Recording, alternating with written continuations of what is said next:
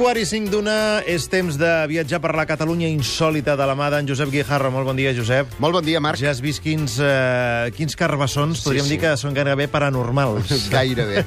Ens venen molt al dit del, del tema que avui tocarem, eh? que Sí, certament és molt paranormal. Que avui parlarem de fantasmes. Avui ens n'anem a, a Cardona.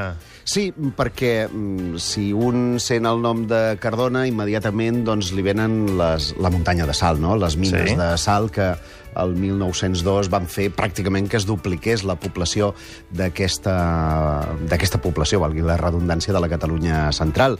O podem anar a veure, si molt m'apures, doncs el, el seu casc eh, històric, on hi trobarem doncs, des de temples romànics, eh, gòtics, o podem reviure els, el, el setge que el 1714 doncs, eh, va ser un dels que va acabar de resistir no? tot, eh, tot aquell conflicte, que per cert, entre el 9 i el 23 d'agost es duran a terme tota una sèrie de recreacions i fins i tot una eh, visita guiada que té a veure amb el setge de 1714 i que aquells que vulguin doncs, poden eh, anar a veure-ho aquesta població que és eh, Cardona. Però o, o, i, I aquesta ens, ens posa ja en sintonia amb el que entrarem a parlar avui. Podem anar a veure el eh, santuari de la Mare de Déu del Miracle, que recrea, eh, en aquest cas, o està erigida arrel de, de l'experiència que van tenir uns pastorets d'un mas molt proper, que és el de la Cirosa, quan el 1458 se'ls hi apareix la verge i eh, decideixen erigir-hi un dels eh, temples, que és referència dintre de la, del tema marià a Catalunya, junt amb Montserrat, com és obvi, eh, i podem anar a contemplar una talla romànica magnífica del segle, del segle XV. Tot això Però ens posa... volies, digues, digues, Tot això ens posa castell, eh? en, en sintonia amb el castell. Un castell mil·lenari, no oblidem que va ser erigit per Guifré el Pilós cap al 856 aproximadament, i que protagonitza des dels anys 70 tota una sèrie de, anem a dir-ho així, fenòmens paranormals.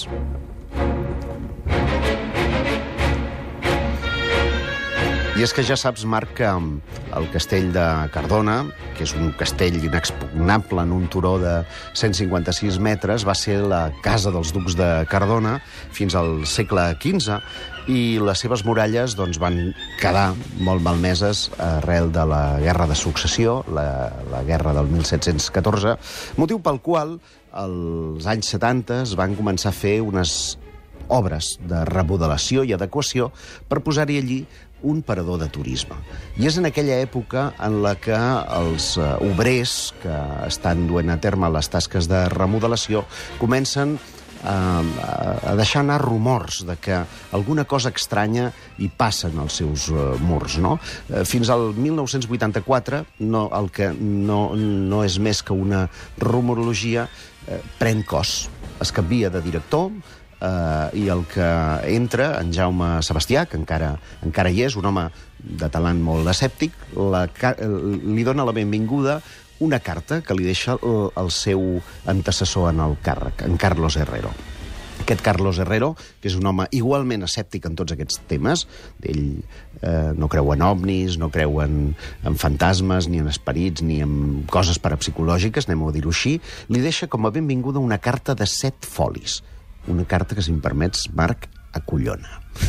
per què acollona? Doncs perquè l'home eh, explica eh, que bé, en el, quan tu entres en el, en el castell hi ha eh, una mena de cos de guàrdia i allí doncs, eh, hi ha una porta que és d'aquestes gruixudes de fusta amb un estrany mecanisme que permet que es pugui obrir des de fora però no pas des de dins perquè en el seu interior s'hi amagaven els, les antigues presons, no? els, els forats negres eh, en- on encara s'hi poden trobar, encara es poden veure les, la, els grillons i les cadenes en el, en el, enganxades a les parets.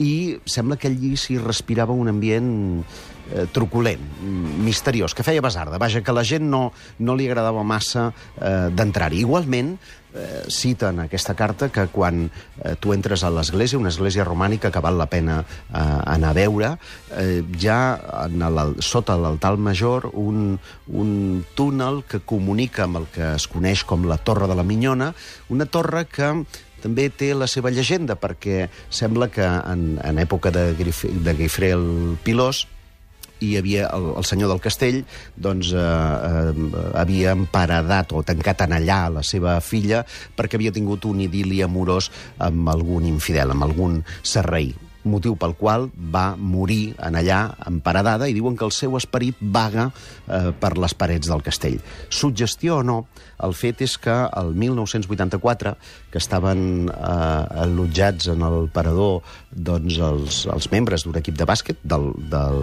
que jugava amb el, amb el Barça, ara no et sé dir quin, quin era, eh, ocupaven totes les habitacions de, del parador tret de, les, de la planta superior, la planta 7, perquè eren habitacions que eh, la gent del cos de la neteja deia que els hi feia certa... Eh, eren més fosques que les altres, els hi feia una certa sensació estranya i llavors evitaven, si, si ho podien, doncs, llogar aquestes, aquestes habitacions. I a les 5 de la tarda, quan l'equip eh, se'n va cap a, a la zona esportiva a fer el seu partit de bàsquet, l'hotel queda absolutament buit i comencen a fer les tasques lògiques de neteja de les habitacions. Vet aquí que eh, una de les eh, noies que està fent el servei pica la porta de l'habitació 712. Aquesta, podem dir, Marc, és l'habitació del misteri. I què és el que passa? Tu la 712, eh? Sí, sí. Quedeu-vos amb aquest número. Estàs en allà, piques a porta, i què obtens com a resposta?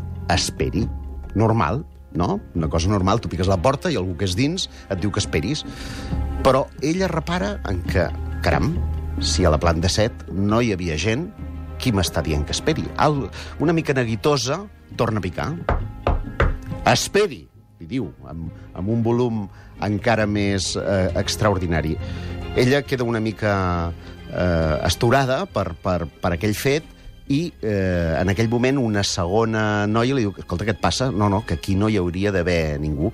Truquen a la recepció i constaten que efectivament l'habitació no ha estat llogada. Per aquestes passa el director per allà, en Carlos Herrero, per tant, ell protagonitza també en, en primera persona aquells eh, esdeveniments, tornen a picar porta i obtenen per tercera vegada la mateixa resposta. Esperi. Escolta, en aquell moment ell treu la clau mestra la posa, entra a l'habitació i el que passa a continuació és que no hi ha ningú dins.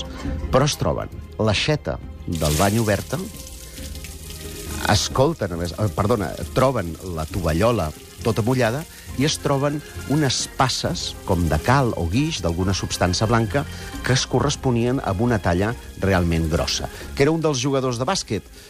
És molt estrany, no? Tots havien marxat per tant, allí va començar la llegenda del fantasma de l'habitació 712. Això el director, el predecessor eh, del, del director actual, que era escèptic i que li relatava tot això amb aquesta carta, i des d'aleshores hi ha hagut algun altre, algun altre episodi que oh, tant que sí. Eh, N'hi ha un de molt eh, particular, també, que és protagonitzat, a més a més, per un periodista molt conegut, que és en Francesc González Ledesma, qui va anar al Parador de Cardona a fer unes xerrades eh, juntament amb Mauricio Wiesenthal sobre periodisme, i eh, li van donar l'habitació de sota, les 612, diu que eh, cap a les dues de la matinada eh, comença a sentir tot un torrebastall, ell inclús pica la recepció dient que, si plau avisin els de l'habitació de dalt, les 712, que, que parin, que, que no el deixen descansar. Sabria l'endemà que aquella era l'habitació maleïda. Per tant, tenim aquesta habitació 712, però... I ara, què passa amb aquesta habitació? Sí, això no vol dir que, que si nosaltres demanem la 712, què té de dir? Que hi ha molt massoca, perquè, eh, segons m'ha explicat en, en Jaume Sebastià, l'actual director, eh, ells no la comercialitzaven fins pràcticament farà un parell o tres d'anys que un programa molt conegut de, de coses eh, ocultistes doncs, va anar a passar-hi la nit en allà i, escolta, ara tenen llista d'espera. Eh, és a dir, que allò que en teoria podia fer por o que podia evitar que la gent anés a, al parador de turisme de Cardona a passar-hi la nit, doncs ha passat justament al contrari. És un focus d'atracció que fins i tot un cop l'any fan unes, uns sopars màgics en els que eh, es parla de tot aquest tema, de tota aquesta història, i es convida eh, la gent a, a, a visitar l'habitació, la, la cambra que tot i això no vol dir que garantitzis que hagis de tenir un, un suston allí. Una experiència Jo diré que, eh, paranormal. com saps, col·laboro amb el programa de TV3 divendres i vam fer amb en Xavi Coral i l'Espartac eh, Paran una experiència que és que ells dos passessin la nit junts, però no revolts, eh? Uh, en el, Va en ser testimoni d'això, que no es 700 van Va ser revoltar? mig Catalunya, perquè tenien càmeres col·locades durant tota la nit i no van, no van tenir res. Va passar alguna cosa estranya, eh? segons diu en Xavi Coral, però no pas molt, molt o massa paranormal. En qualsevol cas, ara aquesta habitació que hi ha llista d'espera, des que s'està comercialitzant d'aquesta manera, no hi ha hagut cap altre episodi que puguem no, aviam, eh, explicar. És tot molt subjectiu, perquè jo conec eh, persones, hi ha un company de Terrassa que ha volgut eh, passar l'experiència i que, segons ell, doncs, havia deixat un llapis en la, en la tauleta de nit i aquest llapis va començar a moure's d'una forma, diguem-ne, no, sense que hi hagués un terratrèmol, d'una forma no massa natural, no? Eh, però jo penso que la subjectivitat hi fa molt. Eh? Tot i així, penso que és una bona manera, encara que sigui sota la pretensió de passar una nit de por o d'una vetllada misteriosa, d'anar a conèixer un entorn eh, que és magnífic, que, és Cardona, les seves mines de sal, el seu, el seu centre històric, i si voleu, hi ha moltes rutes en bici mm, eh, o a peu pels voltants, turisme rural, que també convé eh, fer, i que, a més a més, eh, i això que sempre donem alguna recomanació, sempre diem mai posem hotels i mai, pode, mai posem... Eh, perquè tornem a casa, no?, a dormir, doncs aquí val la pena que ens quedem a dormir i podem sopar en el mateix eh, parador, on hi ha una magnífica oferta gastronòmica i, a més a més, hi passarem molta, molta por.